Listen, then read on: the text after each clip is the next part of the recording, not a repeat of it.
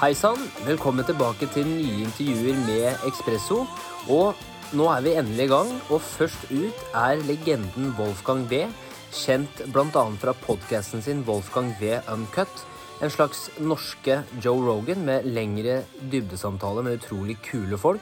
Så hvis dere ennå ikke har fått ned den podkasten, så vil jeg anbefale det på det sterkeste. I dag så prater vi faktisk om eh, ganske mye.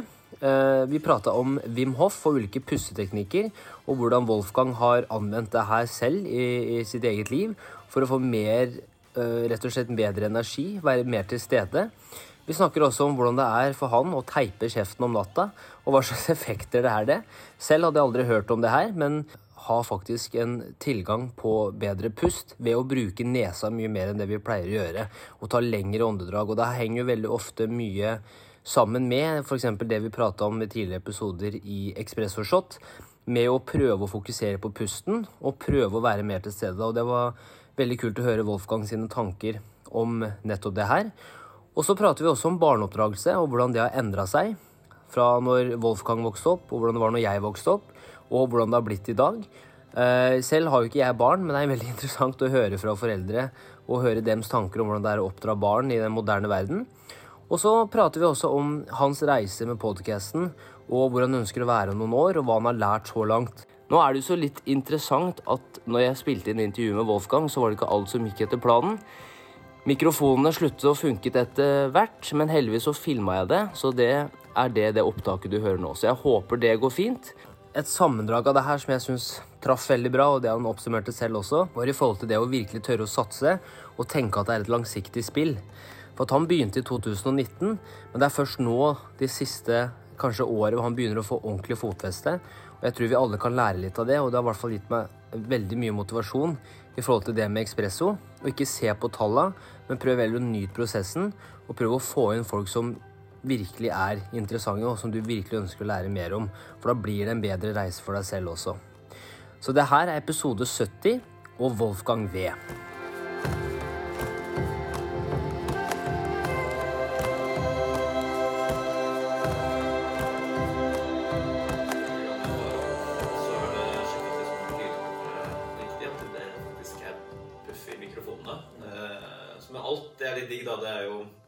Det snakka vi om i sted, at det alltid er jo ferdig eh, rigga. Så at jeg slipper liksom ta det tekniske og sette opp mikrofon og sånt. da.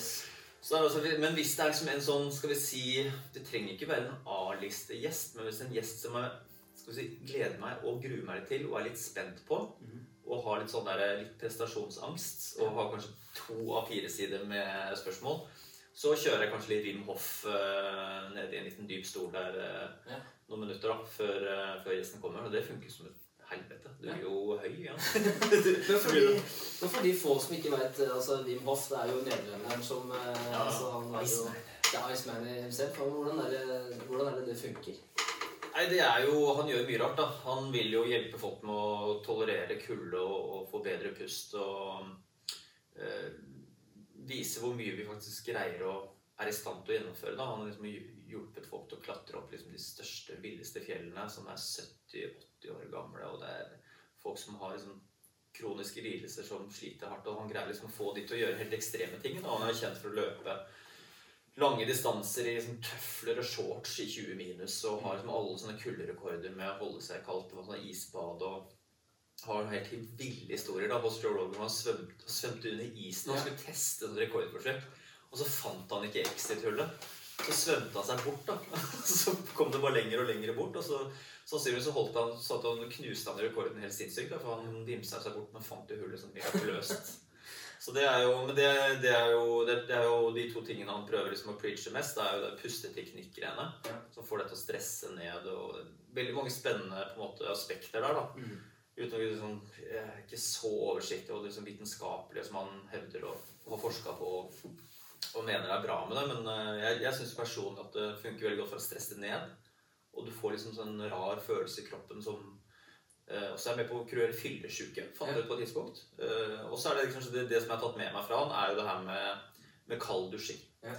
Det gjør jeg jo hver gang jeg dusjer. Mm. Eh, så da avslutter jeg alltid med å telle til 60, eller Hvis jeg glemmer meg, så kan jeg stå i to-tre minutter. Mm. I liksom, Da kjører du bare bånn pinne. Ja. eh, Kulde i dusjen. da, Etter å ha dusja varmt. Ja. Og det syns jeg er et eller annet sånn helt utrolig med sånn oppkvikkende på morgenen eller rett før du legger deg. Altså, det har, det har, eh, jeg vet ikke hva som skjer med kroppen, men det skjer iallfall noe som er utrolig spesielt, da, og som bare kvikker deg ekstremt opp. Og jeg tror også du føler deg liksom friskere på sett og vis. Jeg har liksom Helt siden jeg begynte med liksom, sånn kombinasjon av pusting og fasting og, og lite karbohydrater, eller mindre karbohydrater, og sove godt og kalddusjing, så har jeg liksom ikke vært sjuk på mange mange år. da. Jeg vet ikke om det er en sammenheng om det er tilfeldig, eller med jinxer her nå. Men, Ja, men eh, eh, altså, jeg kjenner for jeg har også gjort mye av i hvert fall den kalddusjinga og sånn. har vært Ja. eh, Det har, merker jeg sånn eh, Det gjør noe med deg. Du, du våkner veldig fort. da. mm, Eh, og så Særlig også hvis den der pustinga kan konkurrere fyllesyke, så skal jeg endelig begynne å gjøre det. For jeg skal ut med jobben i kveld. Ja. Så da, i morgen tidlig så blir jeg sittende og drive og Men hvordan er det det funker? Altså, Hvordan er det man gjør altså, pustegreier? Metoden hans er jo da eh, 30 ganske hissige pust inn. Sånn at du puster først inn med magen, så med brystet, og så med halsen eller hodet. da. Så blir sånn og det skal du gjøre sånn 30 ganger, 30 ganger da, og så puster du sånn rolig ut. Ikke alt sammen ut da på en gang, og så gjør du det 30 ganger. Og så er det eh, da å holde pusten egentlig så lenge du greier uten å anstrenge deg for mye. da. Ja. Og så gjør du det i tre, fire, fem runder, og da er du jo helt eh, høy i pappen. da. Ja. Så det er jo den pusteteknikk-biten. Og det fant jeg ut liksom de gangene jeg var fyllesyk, så var det veldig effektivt. Puste litt først, gå og ta varmdusj, så kalddusj. Så var nesten fyllesyken borte. Men fyllesyk killer nummer én har jeg funnet nå, og nå har jeg faktisk ikke vært fyllesyk så lenge jeg kan huske. Det hørtes veldig rart ut. Men eh, de siste månedene da, så har jeg ikke blitt fyllesyk i det hele tatt. Det kan være at kanskje alkoholinntaket har blitt rimelig mer moderat enn det var i 20-årene. God, god mulighet for det. Men du drikker eh, litt på podcasten, da. Ja, der har det blitt en del Der kan det bli en del pilsing. Og det, det er sånt jeg kan bli jævlig fyllesyk av. Altså tre-fire halvlitere kan jeg bli helt monster fyllesyk av eh, i disse dager. da. Det er helt merkelig.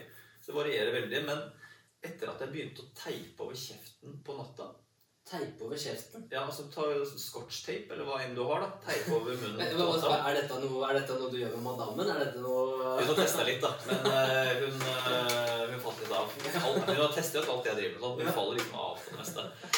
Men uh, jeg fikk faktisk en melding fra lytter som hadde hatt seg med dama med, med sånn munnteip, begge to.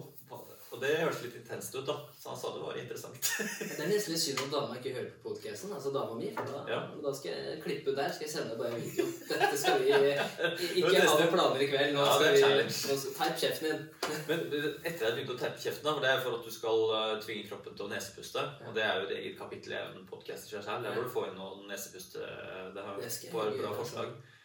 Etter at jeg begynte Jeg lurte på sånn Driver jeg egentlig og munnpuster eller nesepust på natta? Nei, jeg tror jeg puster gjennom nesa. Jeg er jo ikke noen sånn munnpustertype. Jeg er liksom ikke overvektig eller og liksom, Jeg er ikke noen sånn snorkete type heller. Og men så ble jeg jo ferska i at jeg, snor- at jeg pusta med munnen som dama. da, Og at jeg hadde noe sånn snorketak underveis. Så jeg teipa inn kjeften og prøvde det. da, Og så var det sånn tilfeldig at de gangene jeg hadde vært på podkast drukket jævlig alkohol, og teipa over kjeften på natta da, kun nesepust, så blir jeg ikke dårlig på morgenen. Det er helt merkelig. Altså, det, Du kan våkne opp litt på natta og så sånn Faen, nå, i morgen blir jeg fyllesyk. Så jeg bare kjør på med et par timer ekstra søvn. Hold den teipen over kjeften Ja. og puste gjennom nesa gjennom hele natta, så altså, er det en sånn fyllesyk-reducer som jeg ikke har vært borti maken. Ja. Altså.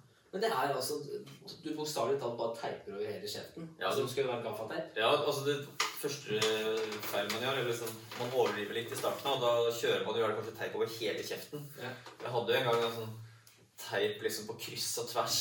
Du ser jo ut som en sånn der så-karakter igjen, som skal gå drepe. Så det var sånn der, Første natta jeg gjorde det, så ville jeg ikke si noe. Jeg tenkte Det var sånn litt, litt rart og litt pinlig, jeg bare gjorde liksom litt sånn eh, inkognito. Ja. Og så teipa Hun har jo lagt seg, så gikk jeg og teipa over kjeften og kjørte på kryss og tvers og sånn. Med scotchtape, da. Ja. Og det bråker jo ned helvete. Altså, midt på natta så var det sånn at jeg drev og vrikka litt på munnen, så var det. Hva i helvete er det som foregår? Ja, det så snur jeg meg. Og så snur jeg meg til henne i mørket og bare Faen, hva er det du driver med? Hva er det som munnen din? nå?» Jeg bare Det er liksom teip og ligger her med sånn teip over hele kjeften og sånn. Men må du ha noe Altså, du trenger ikke noe spesialteip. Det er, altså, hele konseptet er ikke noe, det er ikke noe spesielle materiale på teipen i seg selv. Det er bare at du må si. Det fins noen teipbiter som er litt bedre enn andre. Så Sånn, det var en lytter som spurte meg kan du, har du tips om en teip som ikke river av hele kjeften min når jeg står opp Ja, for det er det jeg ser. Sånn. Og du har jo litt skjegg, altså du har jo Ja. skjeggmateriale. Det verste er leppene, ja. Ja. Så river av sånne der tynne lag på leppene. Det er ikke noe godt. Eh, så ikke gaffateip. Jeg tror folk kjører gaffa først for liksom skal begynne med det. Men så skjønte jeg ganske fort at du trenger bare en bitte liten sånn uh, scotchtape Hitler-bart-størrelse. Ja. uh, som bare smeller på liksom der. Og da du skal bare ikke få munnen til å åpne seg. Du greier liksom ikke å puste inn i munnviken heller. Så det er bare det er bare det at munnen åpner seg. Jeg tror haka detter litt ned på natta. Ja. Og gjør det sånn. Og da får du den der Så lenge bare ikke du får haka til å dette ned, så bare teipe igjen leppene så med en liten bit, så Ja. er du good to go. Ja, for når du snakker nå, så tenker jeg over det, og da Jeg er nok en munnpuster. Ja. Om natta så merker jeg at da, det er som du sier, kjeven bare At jeg, jeg blir liggende sånn, og så ligger du opp, eller så ligger du på sida. Så du, munnen er alltid i gang, da. Ja. Så det blir spennende å se altså bare i forhold til Hvis du lukker munnen helt, da, om du Mm. For det er jo ikke Tenk hvis du ikke klarer å få til å puste med nesa. Hvis du blir helt eh, Ja, da, det, da du, liksom, det er det du må trene opp. da. Ja. Uh, med mindre du har noe alvorlig feil med nesa di, så er det jo uh, så, så blir du bedre til å puste nese jo mer du gjør det. Det er liksom muskelgreien. Uh, så det Og det, det, det å gjøre det på trening og alle mulige sammenhenger, det er, det er jævlig bra. Altså. Ja. Det, og så blir du jo Du kvitter deg med mye med mye oksygen da, og, og CO2 når du puster ut så mye gjennom munnen. Og da blir du jævlig tørst. Du får en del sånn faktisk litt væsketap av å, å sove med munnen åpen, så du blir ikke tørst på natta lenger. Du går ikke på do på natta lenger. Slipper å drikke, Du slipper å ha det glasset med vann stående ved senga. Det er jo helt slutta med. Ja. Du må alltid ha et glass med vann, svært glass med vann stående på senga som liksom supa litt av på natta. Det er sikkert mange kan kjenne seg igjen i det. Yes. Og det er jo eh, det er etter teip over kjeften. Slipper alt det drittet der. Så du må passe på at ungen ikke stjeler teipen. da, Så Mhm. du vet hvor teipen er. Men den der, altså eh, For jeg vet jo det med pustinga. For jeg, har jo meditert mye. Meditasjon har mye fokus på Ja, det Særlig eh, på de siste episodene. Og, da, jeg har gjort det i mange år nå, og jeg merker da, da er jeg veldig fokusert på det. Så da er det alltid ikke sant, inn over nesa, ut med munnen. Mhm. Og da merker jeg at, og, da, og det er jo ikke helt den Wim Hof-metoden, det er i hvert fall rolig ikke sant, inn og ut, og Mm. man får en flow på det. Og etter det, som du sier, da, så føler jeg meg også høy. Da føler jeg at det liksom, dæven, nå har jeg energi, og nå er jeg rolig. Mm. Eh, så på en måte energisk, men avslappa. da. Mm. Så jeg kjenner igjen veldig det der med, med nesa med at det går opp på natta. Det blir, eh, det blir det må du teste ut. Ja. Det jeg ikke skjønner, er um, eh, Etter jeg begynte med sånn pilates og sånn, så er det sånn det er veldig inn gjennom nesa, men ut gjennom munnen. Jeg skjønner ikke hvorfor man skal puste ut gjennom munnen. Jeg har ikke fått noe, ikke fått noe klart svar på det, for det blir jo bare pust, Istedenfor å puste ut igjen med nesa også, så slipper du det der væsketapet og blir tørr i kjeften og får dårlig hånd. Jeg tror man får dårlig hånd av å puste med munnen. da. Ja. Så det er Det eh, er interessant. ja, jeg, jeg skjønner ikke hvorfor yoga og pilates liksom skal puste gjennom nesa og ut med munnen. Jeg bare puste. Jeg puster bare inn og ut med nesa. Og så tenker det er det mest effektive. Om det er en liten bias for å gjøre Men så er det så gammelt. Ja, så sånn, hva faen, de må jo vite hva de driver med, de her folka som har gjort det her i tusenvis av år. Yes. Det er jo gammel lære, liksom. Men det er jo, kanskje det er noe med at man da får man lufta eller oksygenopptaket gjennom lungene og hele, hele veien ned. Kanskje det er noe med det òg?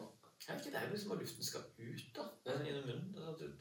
Får det til med nesa, altså. Så vel så effektivt, da. Jeg vet ikke. Nei, men det der er- det skal jeg gjøre litt research på. For Ja. det, og det er jo så, som du var flere ganger på Joe Rogan og, og Huberman podcast og disse Ja. podcast-formatene, så snakker vi ofte om det med pusten. At på en måte pusten er det mest undervurderte verktøyet du har da, for å egentlig få kontroll på energien din og Ja. hverdagen din også. Mm. Så, og jeg tror, jeg tror det er veldig undervurdert, for at det er veldig ofte så tenker man jo på det eksterne ting i idrettsprestasjonsfremkallende midler og det ene og andre, for hva du kan gjøre, og kaffe og Men så er det veldig sjelden man faktisk eh, titter innover Ja. og gjør det. Så den er ikke dum, altså. Nei, det er bare å sette i gang med. Altså. Det er, um, jeg prøver jo, det, det hardeste er jo å jogge med nesepust. Ja. Det er ganske tøft. De første gangene så føler du at du skal dø.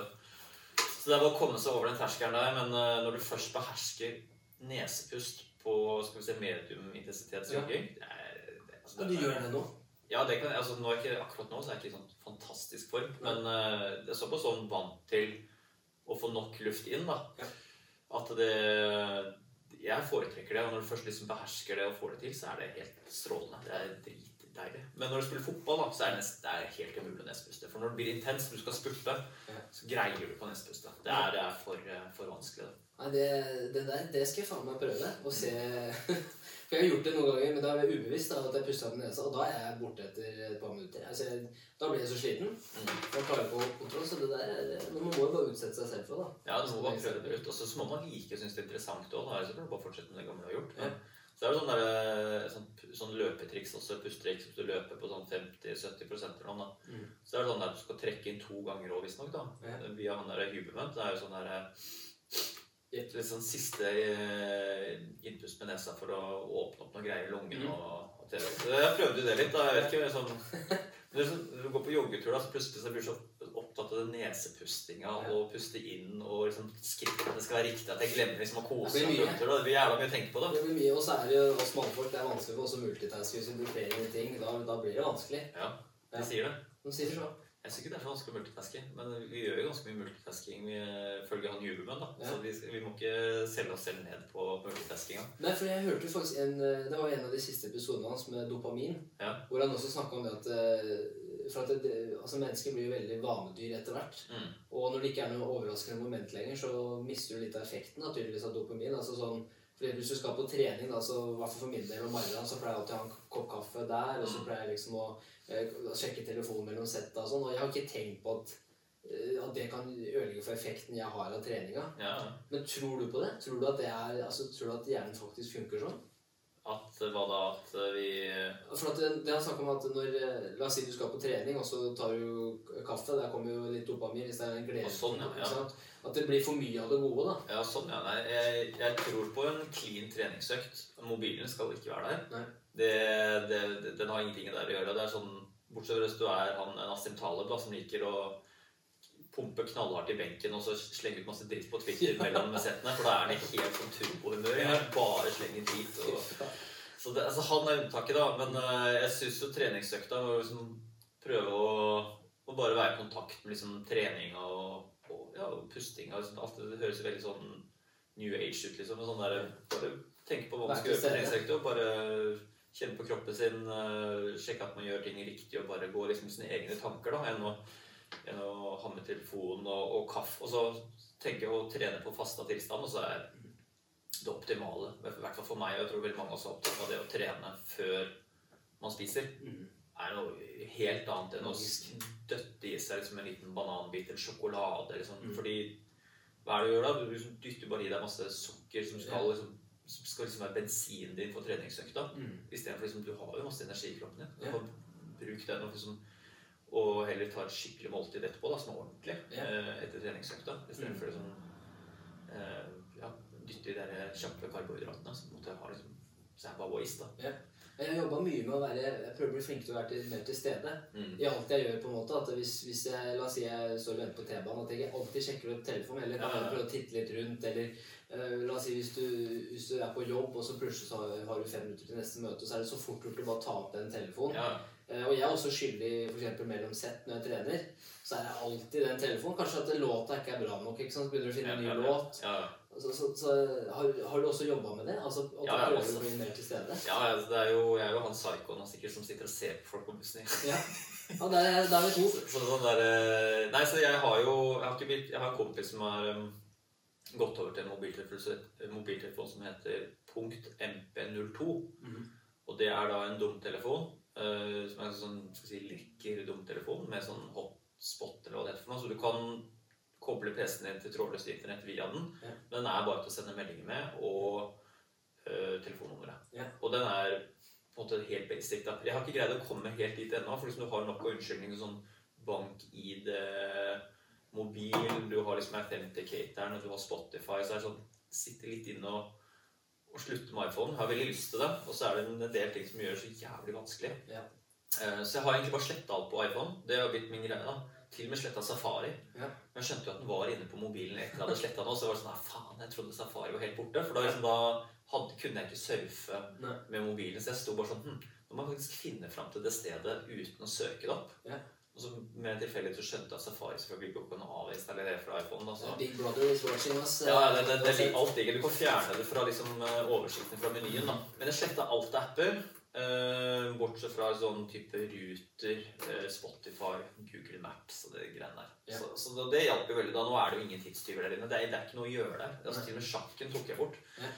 Som er liksom, du, du, nå er det sånn Med den gamle vanen jeg merker at jeg går og sjekker telefonen. Jeg har, men så faen, jeg har ikke noen apper her. da. Jeg har ikke noe å gjøre her, så jeg må bare lukke den igjen. da. Så, du må, så da for eksempel på, med, med podcasten også, da, som vi skal prate litt om, så da må du inn på PC-en for å Ja, ja.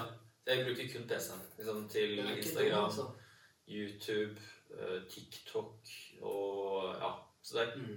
alt foregår der inne. Ja. Ja, den er ikke dum. Mm. Men det er en ting jeg tenkte jeg skulle høre med deg for at jeg også har fasta litt. Altså det er ikke skikkelig fast, men det er sånn hvis jeg spiser siste måltid klokka 6-7 på kvelden, og så spiser jeg kanskje ikke før 11-12 dagen etterpå, da. Så det er sånn 13, 13 timers greier som funker greit. Men øh, du har jo hatt flere ganger hvor du har også prøvd 100 timer, er det ikke det? Ja, jeg har gjort en 100 timer med, med andre. Eh, Det endte vel på 104-5 timer. da. Det er kanskje det lengste jeg har gått. Fordi jeg begynner å bli ganske lei sånn rundt 72 timer. Jeg har gjort den et par ganger. Helt uten Altså ikke noe mat? Bare, Ja, ikke mat, ja. Bare vann og salt og kanskje Da var det mye kaffe. Eh, Det har jeg slutta med nå. Men, det jo, men så ble det mye te. Da jeg faktisk lært meg å drikke te den forrige gangen, Den 100 timers eh, greia. Men det, det går jo. Det er jo Når du har gjort det et par ganger og kommet forbi den der 24 timers kneika, si, og du er komfortabel med det, så er det egentlig mer kjedelig. Fordi du, når du har unger, og sånn, så lager du mat til ungene eller til dama di. og så er det sånn Alle luktene blir så gode, og det, det er ganske hardt. Men også veldig sånn du gleder deg veldig til å spise igjen. Men eh, du går bare og venter og surrer og er veldig rastløs og veldig lyst til å gjøre noe fokusert. og sånn der, eh, Veldig rar følelse. Men den sulten er egentlig verst, syns jeg, de 24 første timene. Og så er det sånn Ok, så i kroppen Ja, ja, det blir ikke noe mat her, så, så er det bare å gå i dvalemodus og så få litt kort lunte, da. Det er noe det er liksom personlig sikkert, men ja. Men også, for at det er noe jeg, altså jeg merker hvis jeg blir hangry, da. Altså, Ja. Jeg har gått noen timer uten mat. Og jeg er veldig glad i mat, så det skal ikke, mye, skal ikke mange timer til før det begynner å skjelle litt at eh, nå er ruta kort. da. Ja, ja. Men slags, kan du liksom ta oss litt kjapt igjennom hva er effekten liksom, av løpet av 100 timer? da? Altså, Ja. hvordan, det, hvordan følelser er det du har i kroppen gjennom den, det, det perspektivet? på en måte? Jeg syns det er ganske likt fra 24 timer til å bare utover. Fordi du Ja. går bare i en sånn tilstand at jeg syns ikke den ene dagen er verre enn den andre, men du bare tenker sånn faen, skal jeg fire netter til og jeg legger meg på tom mage? Det er ganske rart å tenke på. Shit, skal jeg sove fire netter til? Det kan være litt annerledes å sove, at du blir litt sånn mer urolig, faktisk. Ikke nødvendigvis at du sover noe dypere, men det tror jeg også er veldig personlig, da. Ja. Men øh, Nei, det, det, det jeg, jeg syns det går veldig greit. Og så merker du da i speilet Eller folk merker på hvis du har fasta i mer enn 80 timer, kanskje 100 timer, så blir du smalere i ansiktet. da. Ja. Og du går jo nesten ikke på do. Eller i hvert fall, du driter jo i hvert fall ikke. Men, øh, så du drikker en del vann. Øh, noen kjører jo ikke det heller, da. Det er jo enda mer ekstremt. Men øh, Ikke noe vann heller? ja, han ene som gjorde den 100-timersgreia, han Pimple Ocean, Ja. eh, Thomas Trapusa, han kjørte da Han lagde russelåta der, forresten. Er det? Han det. Ja, jævlig rå fyr. Han kjørte den altså, eh. Hvilken låt var det? Eh, ja, fy faen hva jeg sier. Det er eh, Patrioten heter den. Ja, Så den kan jeg faktisk spille for deg etterpå. Det er jeg egentlig ganske fornøyd med låta. ja shout out til Patrioten. Ja, shout-out til Patrioten. Det var, vi hadde ikke buss eh, gjennom russetida, faktisk. Jeg ble ødelagt. Vi ble lurt til Drammen. Eh, så vi, var, vi følte oss kule. Vi hadde kul låt. Ja, Eh, viktigste. Vi hadde to låter, faktisk. Ja. Uh, unødvendig. Men uh, Og så hadde vi ikke buss. Ja. Så vi ble jo vandrepatrioten. da. Sykkelruss. Ja. Så det var, det var en mørk tid i min historie, men, men jeg fortsatt helt blå. Faen, men jeg tenkte ikke det er noe sånn sparkesykkelruss og sånt nå. Er det mye sånne eh, greier Det kan godt hende, men det er jo vanskelig. For jeg hadde jo hadde jo månedspass på, på Voi. Ja. Så det var, jeg følte meg som kongen i gata når de hadde masse Ja, ja, ja. Og så kom jo reguleringa, og da altså micromobility kan du bare drite i. Det må Ja. gå 15 minutter før du finner den, og så skal du ta den i to. Ja, ikke Så sant? Ja, ikke sant? Nei, dessverre, altså. ja, fuck de greiene der. Men uansett Men Pip Lotion Jo, han kjørte jo da den 100 timers eh, faste greia. Jeg lurer på om jeg skal gjøre det neste år. Jeg har ikke tenkt noe på det. Men det det kanskje blir en artig årlig greie. Jeg gjorde det jo i januar i år. I fjor. Hva faen var det jeg gjorde da? Ja, det, jeg tror det var i, i hvert fall Det må jo ha vært i år. Svolvær, så tror jeg det var i januar i år. Det? Det må jo ha vært i januar i år. Det er jo rett etter jul, da, så det er jo kanskje folk klar for å faste litt over den der uh, greia der òg, da. Så kanskje jeg skal gjøre det en gang til neste år. Men han kjørte da 100 timer, og vel så det, uh, uten å drikke og spise. Men er ikke det farlig? Jeg har gjort det et par ganger. da. Begynner på 24 timer, gjør 48 timer, og så lærer du hvordan kroppen Og så er det på en måte idet du føler deg dårlig, ikke kjennes bra, så skal du begynne å drikke og spise igjen. Ja. Så er det sånn, Du kan du må jo trene litt opp på det. På, kroppen blir vant til å kjenne igjen den følelsen av ikke få vann eller mat. Mm. Så det, er sånn, det, det det viser, er jo at du kan gå fryktelig lenge uten vann også. Du Ja. sier jo at liksom, måte, du kan gå så og så lenge uten mat og så og så lenge uten vann, men du kan gå fryktelig lenge uten vann også. Det er jo det mest fascinerende med tanke på folk som blir liggende under kollapsa bygninger eller blir isolert, og så blir funnet at det skal være fullt mulig å overleve Ja. Ganske lenge. nå. Men det er jo igjen, da. Det er jo mm, lære kroppen å liksom konservere seg selv og, Ja. og, og vente på og takle de der stressmomentene som dukker opp først. da, men Du blir veldig tørst og veldig sulten. Så han, ble, han kjente, hadde jo treningsøkter under der også, så da kjente han at det var nesten i overkant han holdt på å- miste det. Men, eh, så da er det jo litt sånn det som er kjedelig, da, at når du Sånn som jeg faster, så kan du alltid ta med en kopp kaffe eller en te, og så har du sånn Det sultfølelsen stimuli. Ja, så er det sånn, det er litt kos, ja. Man har når du ikke kan spise eller du har ingenting. Du har ikke noe å kose deg med. ikke sant? Det er sånn der, ah, kommer inn og er kald og Men det mentale må jeg også tenke 100 timer. Altså, Du blir jo beist, da. Ja. Det er det som jeg tror også på at det er sånn underworker at når du faster i så lenge, så blir du litt liksom beistete Ja.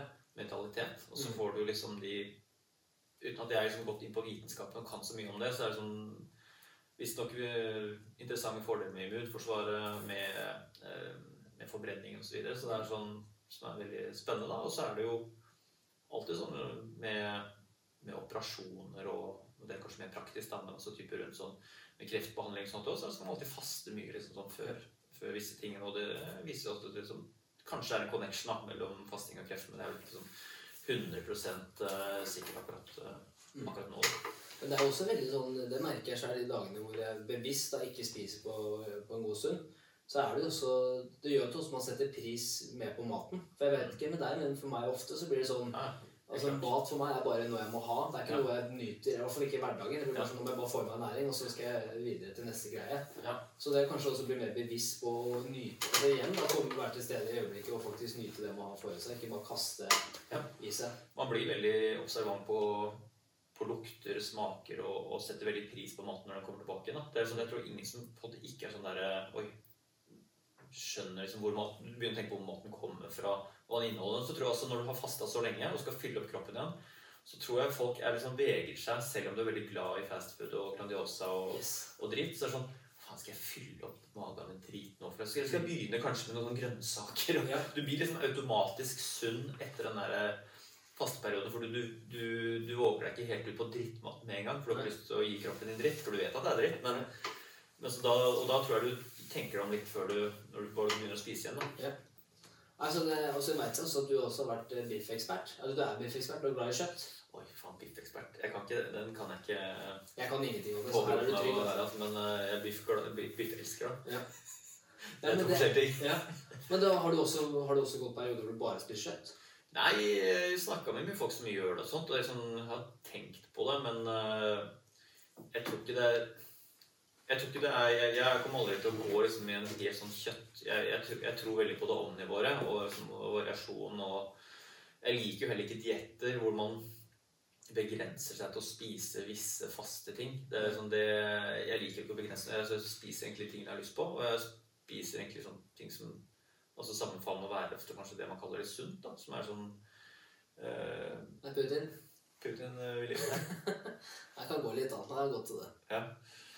Eh, ser ut som han syntes det var interessant det som foregikk her. Ja, han er eh, Det er min gode støttespiller. Altså, du, jeg håper jo at du skjønner at det var ikke jeg som valgte hunden. Jeg hadde ikke så mye valg. Du, fikk- du fikk velge navn og Ja, jeg fikk ikke det heller, vet du. Så det er. Pappa Putin er navnet hans. Han er med på kontoret og med venner og sånn. Ja, Og så hjemme så heter han Lillebjørn Nelson, da. Ok. Han har til og med egen navn på postkassa, det er, vet jeg. Jeg vet du tenker det er trist. Det er veldig trist. Det er veldig søtt, da. Det er en veldig søt hund. Han er søt. Ja, men det er sånn hund som må passe på at du ikke dreper når du flytter stolen. liksom. Det er, det er sant. Vi havnet i senga en gang og skulle legge oss. Ja. Eh, altså, ja. Han måtte ikke til veterinæren, men det var, var ikke langt unna før det var eh, Den brekker fort, den Ja, der. den gjør det. Du kan Det ødelegge hunden. er to kilo med hår Ja, det er det. Det er hår og noe sånn uh, og to øyne. innmat. Innmat, ja. Det er veldig søtt, men eh, det var jo biff, da. Det er ikke så mye biff å få ut av eh, lille puppen. Nei, hvis, da, men, eh, hvis, hvis verden går til helvete og jeg blir stranda med han her, så da blir det hele fasting, tror jeg. Men tror du, hvis du går inn på våtmarkedet i Kina, så tror jeg det ville holdt ekstra godt i den. Det Ja, det, det tror jeg. der. Det tror jeg. Altså, de er jo så dyre, vet du. Det. Altså, Den lille tassen her den koster jo 40 000, 30 000-40 Det 000. Ja, såpass. Ja. Så bra investering. Helt som diskantbikkje, ikke sant? Er det ikke Veldig. derfor det koster det? Veldig. altså Jeg pleier å si at jeg er jo jeg er fra Kongsvinger.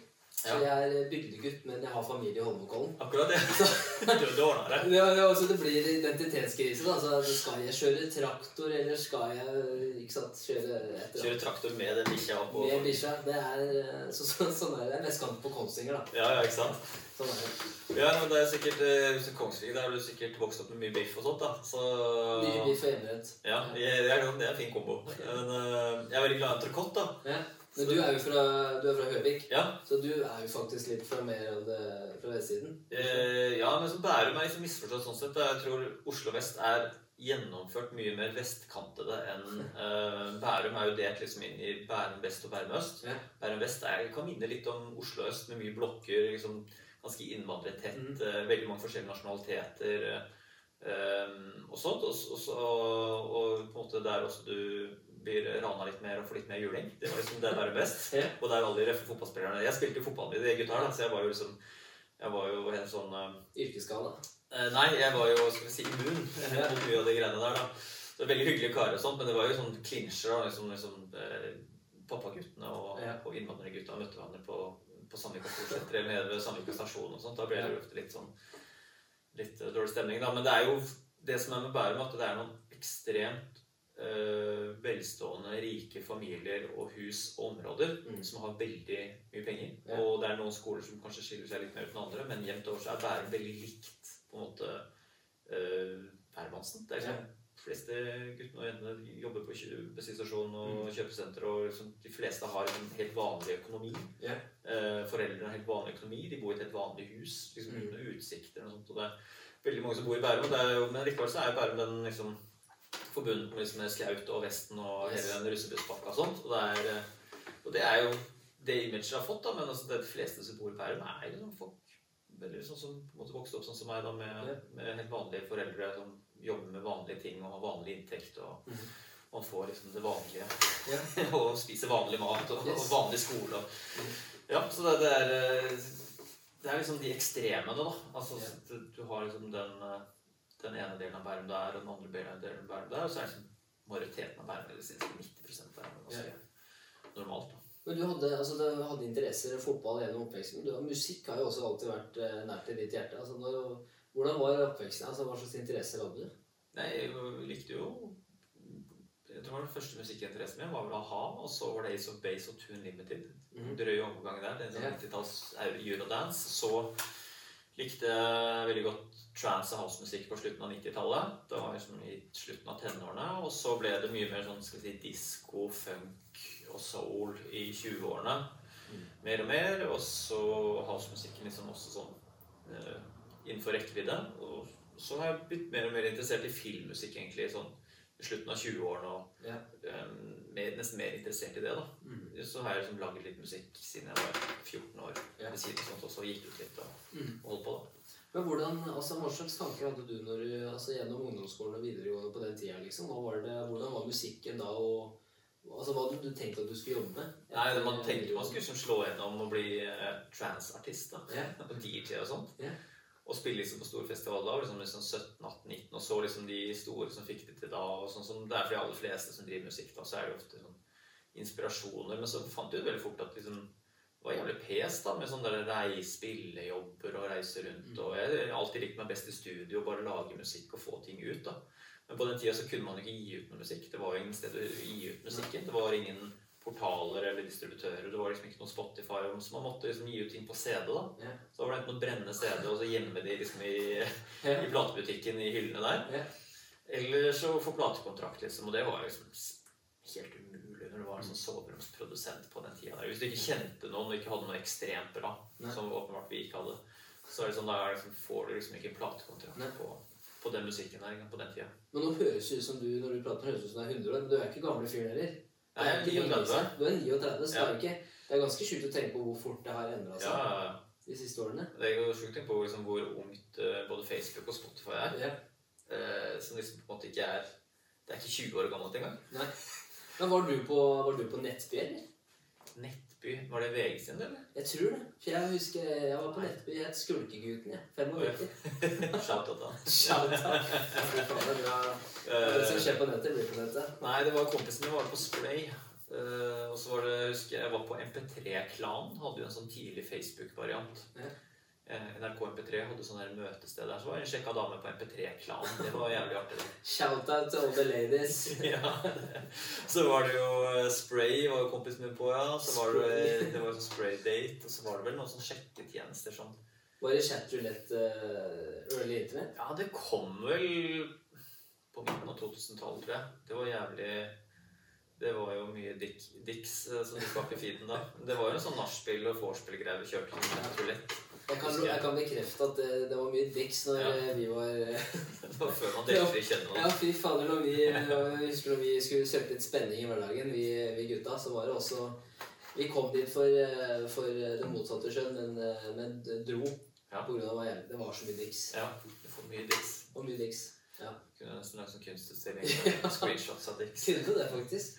Ja. Folk kjøper jo Det er jo kunst. Kunst Ja, ja, det er alltid kunst. Det er NFT, NF- NFT alt mulig sånn, så du Yes. må jo det er mange muligheter, da. Nei, hvordan kommer vi Nå gikk vi plutselig inn på peniser her. Det var jo kunst på kunst. det. Ja, men jo, Det var altså. Det var oppveksten din, og så var det, det var det. Ja, Naturlig overgang. Naturlig overgang. Oppveksten din. Mye penis i oppveksten din. Det- Går det bra? Hva du snakke om? Er det noe du vil prate om? Nei, jeg husker det litt av barndommen min. Jeg tror jeg gikk beslått og ikke så ikke noen peniser. Og jeg tror ikke jeg ble daska i ansiktet av pappa. Og, Nei. nei, nei, jeg husker det. Nei, men da, Jeg må Jeg bare tror- tror det var jeg tenker bare litt sånn. Ja. Jeg, altså, det jeg har blitt fortalt, så hadde jeg også en bra oppvekst. Ja.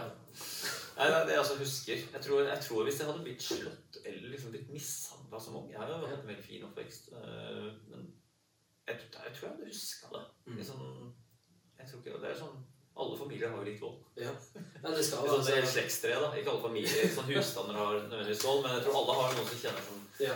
har noen familiemedlemmer som har blitt gjort opp. da. ja, altså, jeg skal ikke altså, Fattern var streng. Han var, han var svart i øya. Ja. Det var hvis, hvis, ikke, hvis ikke han måte at hvis, eh, ja, hvis, hvis du gjorde ting som ikke han likte, så, så fikk du høre det noe attåt, som du pleier å si. Var det nesten sånn backhand? Ja, det var backhand og fronthand, og det var, du, fikk, du, fikk høre, du fikk kjenne det. Ja, ble du fika, litt? Du ble fika litt. Jeg gjorde det. Ja. Men du kan ikke, jeg tror ikke man kan gjøre det i dag. Nei.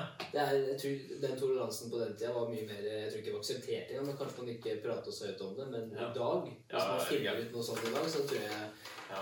Det henger egentlig litt sammen med politisk korrekte, da, men det er liksom Jeg tror terskelen for å øh, Ja. Ja, barnevern, vet du. Ja. Kommer og tar ungene. det. Ja, Det som er det- problemet. Ja, men jeg har hørt at det er også terskelen for at det skal, Ja, det skal skje, er veldig lav, da. Ja, det er faktisk en dansk film som handler om det der. Eh, Da jobber vel faktisk han der eh, Mats Mikkelsen, tror jeg, i barnehage. Ja, Så det er sånn, det jeg Fy faen, den er bra, liksom. Det, Den er bra. Og det handler liksom om hvordan bare Hvordan de påvirker barn til liksom, å få dem til å si det de sier. Og det blir jo en sånn svær greie i Danmark. Det var en sann historie også. Ja. Men det var liksom all eh, apropos, da. Men det er jo Det er jo Hva skal vi si det der med, med vold og barn? Det er sånn eh, Jeg glemte det. Men eh, det er jo utvilsomt vært det normale er jo å straffe ungene sine. Yes. Altså gjennom alle tider. Man kan ikke skjønne noe annet at det ikke har vært liksom en Og du ser, du skal jo ikke lenger til en måte til litt eh, skal vi si, eksotisk strøk eller eh, reise litt til utlandet, bare, sånn, bare i Europa. Ja. Bare se hvordan de oppdrar ungene sine der. Det er jo en helt annen linje og mye strengere og Ja. alt mulig sånt. Og det er eh, Det var det jeg tenkte på. så jeg tror det er naturlig å straffe barna sine fysisk. Jeg Mm. tror det er ganske naturlig. Ja. Og det er sånn, nå er det sikkert mange damer som bare Hva sier du for? Ja. Det er det sjukeste. Men det, det, altså det, jeg tror det er helt, helt naturlig. Mm. Og jeg merker også sånn Har du barn? Jeg er ikke barn. Nei.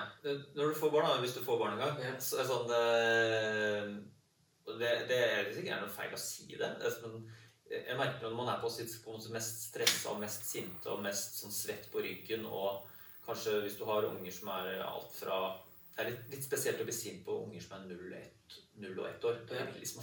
Ja. Men når du har sånne rampunger fra 2 og oppover til sånn 6-7 Ja. så skjønner jeg veldig godt hvor den aggresjonen kommer fra. For du har sånne øyeblikk bare sånn Mm. Ah, Det er her faktisk på en måte en fyr på en måte, eller dame da, som Ja. mister temperamentet og faktisk bare Mm. klinker til ungen sin, eller tar de altfor hardt. Fordi du, du mister besinnelsen. bare sånn, For det er i øyeblikkene her sånn Å ja, ok, det er her disse Yes. øyeblikkene du blir testa, liksom. Sånn der i gangen hvor liksom rives og kastes klær, og du har Mm. ti minutter på å levere, og hele Ja. skal rekke et eller annet møte. og sånn. Når du har alle de stressfaktorene så, så jeg, har, jeg greide sånn flott eller liksom Helt fint å, å skjønne hvor er den aggresjonen, og hvor er det liksom den eh, eh, opphavet til at du har Jeg tror ikke folk har lyst per se å slå ungene sine. Det er en ren nytelse. Jeg tror ikke det er noe sånn sadomskisme rundt med det. Jeg tror det bare sånn er foreldre blir, som på en måte mister det totalt. Og da ender det opp med liksom den eh, enkleste utveien. da, liksom Yes. bare sånn, Det er å kjøre backhand på Mm. ungen, mm. sånn, ordentlig klypetak, ørefik, Ja. ris på rumpa. For du har gått tom for uh, Yes. eh, virkemidler, for du, får ikke kustus på ungen din. Og da er det sånn, de tingene som du har hørt i en sånn og vår generasjon som 80-tallsbarn er ikke sånn, de har også opplevd liksom, ris på rumpa og Ja. Kniping og klyping og masse sånn som unger nå tror jeg på en måte ikke opplever. Som er, Mm. og jeg skjønner veldig godt hvor det kommer fra. Fordi Mm. du får et sånt, du kan bygge opp et sånt sinne rundt de ungene du beskytter og er mest glad i. Det er veldig rart. Veldig bipolar, for Mm. det er de du elsker mest, men også kan bli aller mest sur på i hele verden. Ja, men altså, Det er jo samme med, med, med på en måte nære venner og familie også. Så er det ofte som regel de du blir mest sur på. Mm. Eh, men jeg syns det er veldig interessant, for jeg er, jo en, jeg er jo ikke far selv, men jeg er jo onkel. Så jeg er veldig heldig at jeg kan levere ungene Ja. tilbake igjen med en gang det begynner å bli jævlig. Mm. Ofte, i hvert fall. Mm. Eh, men så ser jeg jo på søstrene mine også som, som har barn, at det er jo ikke Altså, det er ikke bare bare å få barn. Mm. Det er en, eh, Ja, ja. det er en prøvelse. Men det er jo det der når eh, foreldre som mister det, så forhåpentligvis da etterpå går i seg selv. Og det der er jo som oppskriften på å lage liksom Ja, jævlige barn. da, Som er jævlige mot andre barn. Og det er jo sånn det derre Slår du eller denger ungene dine, så kan du banne på at det enten påvirker de i sånn to negative retninger. At de enten blir veldig voldelige selv, Mm. eh, sannsynligvis. Eller at de da blir veldig innadvendte og redde og veldig sånn på en måte redd for å si ting høyt eller gjøre noe feil, og er redd for foreldrene sine på feil måte. da. Altså, Mine unger er jo redd for meg når jeg hever stemmen, Mm. eller kommer med alle disse kilemonstrene mine. Ja, hvis de Ja. ikke gjør som jeg sier, så bare, da har jeg forskjellige karakterer da, som er Ja. forskjellige kilere. Som kiler til nesten de griner. da. Og da, da gjør de som jeg sier. da. Er Så, så, så det, er, det, er, det er masse artige ting du kan gjøre for å liksom få orden på det. da, Eller få dem til å høre etter. Mm. Og, og det er liksom den derre Så jeg syns det er så rart å se som andre sine unger som ikke hører etter foreldrene sine. Så er det sånn der, du må ta tak i ungen din, da. Ja. Altså, fordi Du kommer til et sånt punkt at de til slutt ser at ungen bare gir fullstendig faen i foreldrene. Og da tenker jeg sånn her har de bare kjørt sånn myk linje, sånn Yes. pusseprat siden dag én. Mm. Istedenfor liksom de være liksom bestevenner med ungene sine og sånt. så syns jeg det er veldig spesielt. De skal jo liksom både se opp til deg, eh, respektere deg og gjøre som du sier. Og, og liksom ha den der i, i bunn. Det er jo helt essensielt, tenker jeg. Ja. Ja, jeg, jeg er helt enig. Og så, ser jeg jeg så på God morgen Norge for noen dager tilbake. Da var det jo noen psykologer som var der og snakka om at altså, foreldre i dag er, de skjermer unga veldig. da, så Det er jo puter under armene. og Mm. Kaller jo min generasjon Jeg er jo født i 95, men det er den curlinggenerasjonen som kommer foran Mm. og skuer hele tida. Og, og du ser bare på lekeplassen og sånn at det er umulig å skade seg. Ja. Så, så litt den der Jeg veit ikke. altså Alle barn får medaljer for delta. Mm. Og tenker du noe over det sånn selv når du vokser opp, kontra hvordan det er nå, og hva du ser med foreldre rundt? Jeg, jeg opplevde jo aldri noe vold annet liksom på en måte når jeg fortjente en liten kryp av mora mi. Så, så, sånn der små du vet liksom som, som, som sånn rampete eller sånn slem gutt, så, så vet du liksom når du fortjener. det er mye det er jo litt akkurat, da. Så jeg husker, Men det var aldri noe vold. Og det, det, og det er jo veldig mange som har opplevd det. Og det Hva har du spurt om igjen? Nei, bare altså, i forhold til forskjell mellom eh, når du vokste opp, kontra hvordan du ser Å, sånn, ja. ja. Nei, ja, det mer før. Men, øh, og nå er det sånn på en måte blitt en sånn Det er både den frykten for å for å gjøre ting feil, og at det er øh, Jeg vet ikke om det der med Jeg tror ikke det med barnevernet og sånt, som skremmer folk. Jeg tror bare folk er blitt veldig mye mildere Mm. øh, til det negative. da, At de er veldig dullete med ungene sine og på en måte overstimulerer de. og og det, at, det, at den der liksom avveiningen å være veldig streng og og veldig snill. Liksom den tror jeg folk liksom kanskje sliter litt med å finne. At det, er- mye, det er veldig safe å bare gi det det du vil ha. Uh, bare keep them happy. Uh, og ikke lage noe drama, mye styr. Da blir det liksom god stemning. iPaden. Ja, iPaden er jo et veldig godt eksempel. Ikke sant? Sånn der, bare ta iPaden, så slapper de av. Yes. Og det er jo, sånn, det er jo virkelig bare sånn fy-greie at hvis du ikke greier Altså Hvis du først tillater det Det er liksom som faktisk et godt eksempel er jo fra dag én så, så, så ungene oppdaga godterihylla i butikken. Så var det sånn eh, Pappa så, Nei, Ja. bare glem det. Var det sånn, bare daske hånda deres. Bare sånn, og de, det var aldri snakk om Jeg har aldri fått noe fra godterihylla på butikken. Aldri fått noe de har spurt om i butikken. Nei. Så da går de bare gjennom butikken. Når de, når de var sånn tre-fire år, så var det jo helt nydelig. For da gikk de liksom bare og kikka på liksom godteri og sånn frisme. De, de spurte ikke, og de visste ikke det var liksom ikke aktuelt uansett. For liksom, vi har noe hjemme som vi har sett vi har Mm. til en eller annen anledning. Da. Så det er sånn, det er, med en gang liksom, du gir litt, og du gir liksom vilje på en måte, så, så får du bare enda mer av det. Ja. Det er litt sånn som Arne så sa det at det er litt sånn som kunstmiljøet, liksom, eller folk som har eh, sugerør nede i statskassa. Så, så er det sånn, hvis du jo mer liksom, du skriker og, et, etter eh, penger, da, så, så, så jo mer får du. Ja. Det var et stygt eksempel. Liksom, fra scenekunstnere og Ja. kunstmiljøet inn her. Men det, det er jo litt sånn at det på en måte ja, Hvis du først slipper opp litt, så er det på en måte, da er det et ønske om mer. Eh, og det er sånn med unger også, at du, eh, du gir litt etter, så da kommer de enda mer. Forventer Mm. mer og mer og mer. og mer da. Ja. Til slutt så blir jo du eh, blir du på en måte gå på akkord liksom, med det du egentlig har tenkt deg, fordi du har blitt så snill og liksom, tillatt så mye at du, når du plutselig sier nei, så blir du helt absurd. Du blir sånn her, hvorfor sier du nei? Du har sagt ja alle de andre gangene. Nei, nå mener jeg det! Nå er det nok! Ja, ja. Men det er jo veldig rart. Da. I forrige uke da satt vi og spiste Snickers mens, Yes. til frokost, og så skal vi ikke gjøre det i dagen. Hva er gærent da? Blir du veldig forvirra. Nei, men Det er gode råd. Det skal jeg ta med meg hvis jeg en dag får barn. For det, jeg tror jeg kommer til å trenge litt hjelp der. altså. Nei, det, det er jo det man må gjøre selv. Ja. Det, det, sånn, det må aldri Jeg hater jo eh, Jeg vil aldri gi råd, og jeg liker ikke å få råd. Eh, fordi det er sånn den- som gir råd, har jo ikke noe skin in the game på rådet sitt. Altså, den har jo ikke noen negative sider å gi deg råd. Jeg kan si sånn Kjøp, Gjør dette med sparepengene dine. Ja, Så, er det sånn der, så høres det ut som et veldig smart råd fra meg. Fra banken, det, det Ja. elsker jeg. For et sånt eksempel er sånn Ja, disse aksjene vil jeg investere i. Eller dette er den porteføljen. Så bare, ja, Har du investert i det sjøl, da? Mm.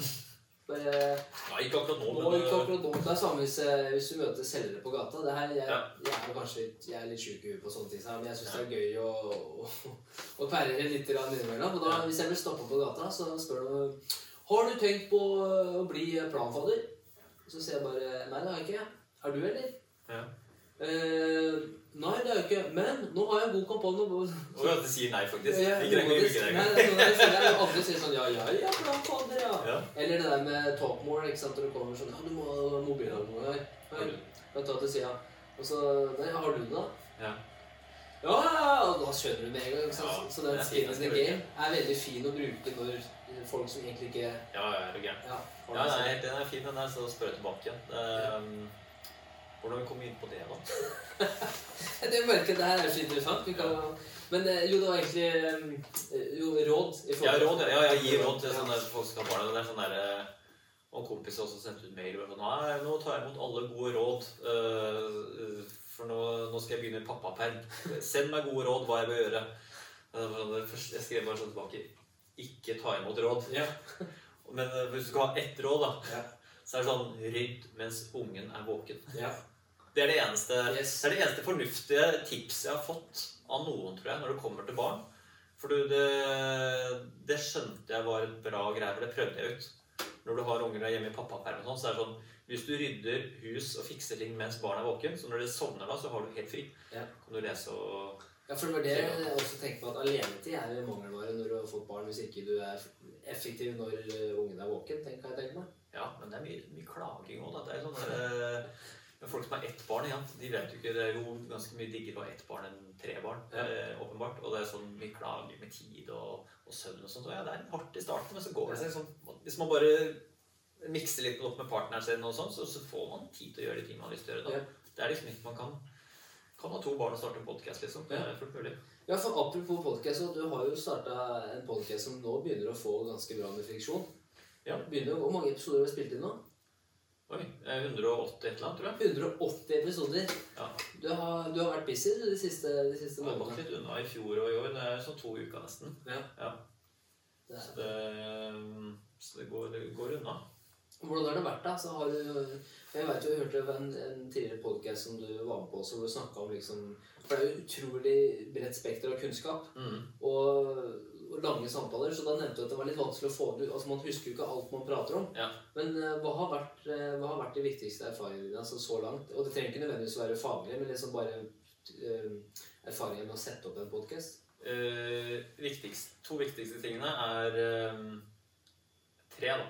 Mhm. Ikke, for min egen del, ikke se på tall. Mhm. Jeg var Første året turte jeg ikke å se på tall, for jeg visste det kom til å være helt ræva. Yeah. Og det var det jo.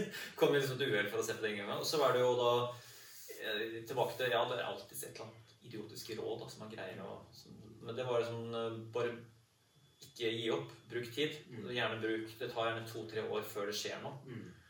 Og det tok gjerne to år før liksom det skjedde noe også. Og det du må bare liksom fortsette, selv om det på en måte er eh, ja, Selv om det ikke skjer så veldig mye hermetegn, at det føles at det går veldig sakte, så må man bare Man må bare ikke gi opp, da, for det er absolutt Det er så mange podkastere som er sånn så mange nye podcaster starter hver eneste dag. Du, du vet at 90 av de kommer til å gi opp fordi at det funka liksom ikke det første halve året. Eller, eller så finner de noe annet som er gøy. Ikke sant? Så det er bare sånn, Man bør liksom i hvert fall holde på med fire-fem år tenker jeg, Mm. sånn, før man revurderer. Ja. Og så er det det Hvis du har et gjesteprogram, og det her kan vel sikkert du relatere til, at det er bare sånn book gjester du uh, har lyst til å snakke med, ikke som eh, har en eh, feit uh, sosiale medier-konto. Jeg har booka kjendiser som jeg har så jævlig kjedelig samtale med. Og bare sånn sitter sånn Hvorfor gjorde jeg det her? Dette her er så altså, Du kjeder deg, du vet at lytteren kommer til å kjede seg, og du, vet, du ser at den andre personen, den andre personen også kjeder seg bitte litt. Det er sånn dette her var helt meningsløst. Ja. Så det er bedre bare å booke Det er litt forskjellig. Hvis man er liksom en nisjepodkast med økonomi, så må man jo selvfølgelig booke økonomiprofiler osv. Det er litt annet dette er jo litt andre greier. Vi kan jo liksom booke det vi har lyst til å gjøre. Vi svarer ikke til en arbeidsgiver og sånt. Så, så det er jo liksom privilegiet, men også hemskoen at du booker en av sånn uh, ukjent person, så vil du jo få veldig lav traction. Du vil få en god samtale. Så det er en avveining. Men jeg bare har sånn ja-nei-filter. sånn, hvis du spør sånn Vil du ha en appelsin? Så tenker jeg Kompliserer jeg ikke det? Det er sånn, ja, ja eller nei? Ja. Nei, det har jeg ikke lyst på akkurat nå. Nei. Men jeg har lyst til å snakke med den gjesten her. Mm. Jeg har egentlig ikke det. Nei. Jeg, jeg, så sier, men ofte sier man ja, det kunne vært interessant, og kanskje Ja, det må jeg undersøke og tenke litt på. Men så er det sånn, du har en ja-nei-følelse nesten med en gang. Sånn, Magefølelsen ljuger ikke. nei, det er sånn hvis det er sånn Ja. Nei, det er sånn derre Snakk med folk du har lyst til å snakke med. Mm. Eh, Det er jo veldig enkelt og dumt, men Ja. også veldig enkelt å orientere seg etter hvis man skal holde interessen oppe. da. Ja. Og så må det være gøy. da. Mm. Altså, lystbetont. Ja. Men det du sier med utholdenhet, det er, skikkelig motiverende for meg å gjøre. For at Ja. eh, jeg er også litt det samme at jeg, liksom, jeg, vil ikke se på tallene, for jeg veit at da blir jeg demotivert også. fordi at altså, Man er jo ikke en, man er ikke en kjent person, man har ikke 400 000 følgere, og da vet man at da blir den da blir den kurven litt, litt eh, brattere. Ja. Og det, man, det krever litt mer eh, utholdenhet over tid. da. Ja. Så det er det samme her nå. at Nå begynner liksom, ok, nå har vi drevet med dette litt under et år. Mm. Og hvis da eh, måte, hvis jeg fortsetter nå, og så lenge jeg har det gøy, så er det det viktigste også at jeg lærer noe. Mm. Eh, men da må jeg også si det er kjempegøy at du, at du også ønsker å komme hit da, Mm. og prate med meg. Det setter jeg veldig pris på. Ja, jeg, jeg, jeg setter pris på å bli invitert av alle. Sånn der, og det er jo litt sånn der, Både fordi at jeg har lyst til å si ja til alle, eh, fordi at jeg har syns det er gøy å møte andre folk også. Det er jo masse Jeg er litt sånn eh, Med podkastere så er det sånn eh, Da blir det ofte veldig podcastprat. Og det er sånn der, og det er hyggelig, det. Men hvis jeg inviterer veldig mange podkastere, så blir det veldig sånn type yeah. mange like samtaler, da. Men uh, vi har jo greid å snakke mye annet her i dag. Yes, da. altså, det blir råd til foreldre. Jeg tenker, faen, jeg var hjemme og få meg barn? Hva skal jeg si? Det var jo uh, Hva faen skal jeg si for noe? Helvete. Jeg er forferdelig host. Jeg driver og tracker deg av ferie. Det her er min feil. Uh, men uh, Podcast, Jo, det var tall eh, Var det tall, da? Jo, det med mot, eller utholdenhet. Eh, Utholdenhet? Ja. eh, det er jo altså Hvis du gir opp nå, så er du jo eh, en av alle de andre som også gir opp. Og da blir du nede på den der eh, skraphaugen Yes. med alle som har kjøpt podkastutstyr og gitt opp rett og betalt rett år, eller funnet noe annet, eller ikke greide å holde trykket oppe pga. korona, for det var så mye hindringer. og. Det var så vanskelig å få til noe. er, liksom, det er den uka hvor du, liksom, du egentlig har lyst til å gjøre noe annet. Yes. og du ikke lager podkasten, da er det bare slutt. ikke sant? Yeah. Det er ikke noe point. Nei. Du må jo bare sånn der podkasten først, og så er det yes. det du har lyst til å drive med. Altså, det, er jo, det, er jo sånn, det kan ta to år, og det kan ta tre år, men du vil alltid løsne på et eller annet tidspunkt. Og så er det sånn en podkast som f.eks. driver med en eller nisje, da. Om du snakker om uh, antibac. om det er nisjen, liksom. Yes. antibac-podkast. Mm. Så vil det på en måte altså aldri kunne bli større enn dette her, da. Nei. Det er liksom Alle som er interessert i an- antibac i Norge, vil kanskje høre på til slutt. Ja. Og noen leger og folk som er interessert i, bakterier og, og antibac. Liksom, da, da har du liksom kanskje nådd potensialet der, da. Ja. Men, øh, og da kan man jo selvfølgelig se større på det videre. Men jeg tror bare det å holde på lenge nok er liksom nøkkelen til liksom Ja. egentlig alt. da. Og det her er ikke noe sånn Med podkasten så blør man jo ikke penger heller. Så det er ikke noe, det er ikke noe unnskyldning for liksom ikke fortsette. Nei. Man blør litt tid, men Ja. så lenge det er gøy, så er det jo den eneste tingen er jo bare å fortsette til man er lei, da. Så er det jo meningsfulle samtaler. Da. Jeg tenker sånn, eh, for jeg, ønsker, jeg liker jo å ha samtaler med folk uansett. Ja. Men da hvis jeg til og med kan bare ta opptak av de samtalene, eh, så tenker jeg det er jo, det er jo så verdt det. Mm. Så det er jo, også, som du sier også, da, når du nå begynner å spille nærmere 200 episoder, Mm. så, og så syns jeg også det er litt morsomt bare sånn for min egen læring å bare høre tilbake på de første episodene og høre hvor ræva jeg var. Ja. For det er noen episoder er å fy faen, hvor det er så mye sånn um, mm, ja, mm, mm, Det er sånn gjennom hele episoden, og det, er så, det gjør så vondt, da. Men samtidig så er det også gøy, for det er ikke så mye mm, nå lenger. Jeg klarer liksom å fortsette å bygge samtaler. Spore Wolfgang litt av. Ja, ja, ja. Ellers så Men det kan du tenke sånn, det har vært mye verre hvis, eh, hvis du tenker at første episode hadde hørtes ut som den her. Det betyr at du ikke hadde utvikla deg noe som helst. Det, det, hadde jo, Det hadde egentlig vært mye, mye verre. Så det er egentlig et godt tegn på at den første og andre episode høres helt jævlig ut. Mm. Men det er jo, man tenker jo at det er mer jævlig sjæl, da. Ja. Men du sa jo at det er jo eh, hyggelig at jeg, at jeg sier ja. Og det er jo sånn, men jeg, jeg, jeg prøver å si ja til alle som spør om podkast.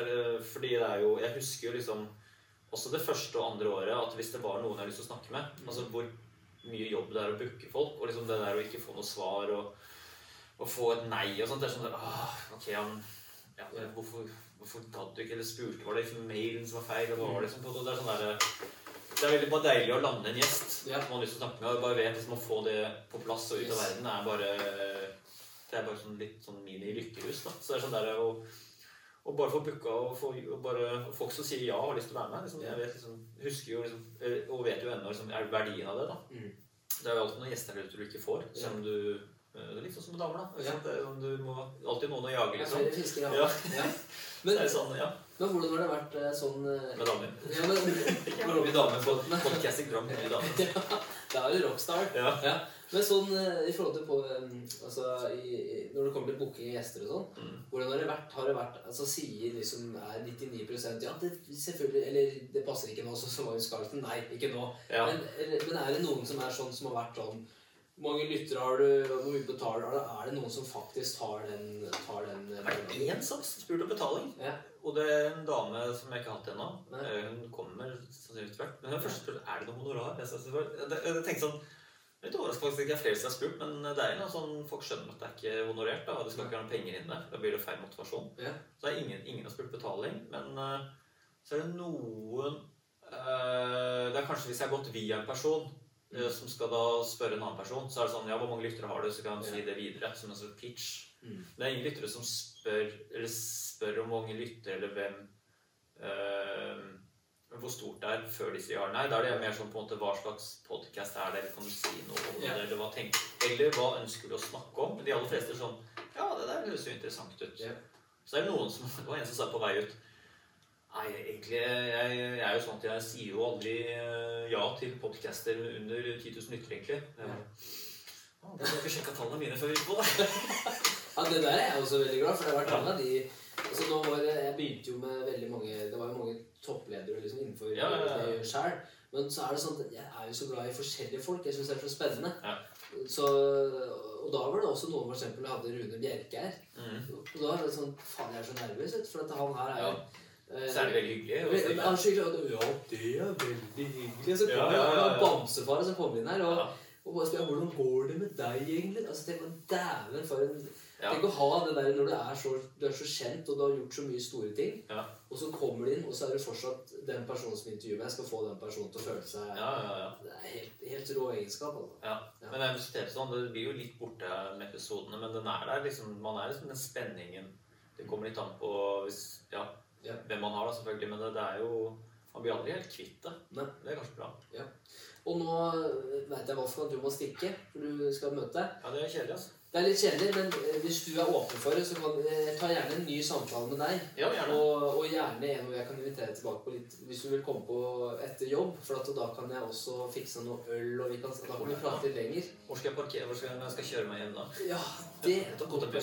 Ja, men jeg kan eh, få dama til å hente oss. Jo, jo, jo. Men jeg parkerer. Jeg fant et parkeringshus her borte nå. Jeg er spent på prislappen. Det ut som et jævlig dyrt parkeringshus. Det er bare å bare sende det til meg. Nei, det skal dere ikke gjøre. Så skal jeg fikse Du skal i hvert fall ikke tape penger på å være med på Vollereisen. Så hvis den er over 500 kroner, så kan vi se på Det kan jo ikke være så dyr dagsbetaling borte. Men det er et fint strøk. Det er fint strøk, det her, da. Ja, det er Altså, ja, parkeringsplasser her, Ja. det er eh, Ja, det er vanskelig. Så neste gang så skal jeg faen Da skal jeg komme meg bort på Fornebu og skal hente deg på Moi. Og så- Og så skal du slippe å betale. Men. Wolfgang, kjempegøy. Jeg føler at det er så mye mer vi kan prate om. Ja, det får bli eh, til neste episode. Ja, Og så håper jeg det har vært gøy i dag. Ja, absolutt. Det var veldig hyggelig å bli kjent med deg. Ja, takk det samme.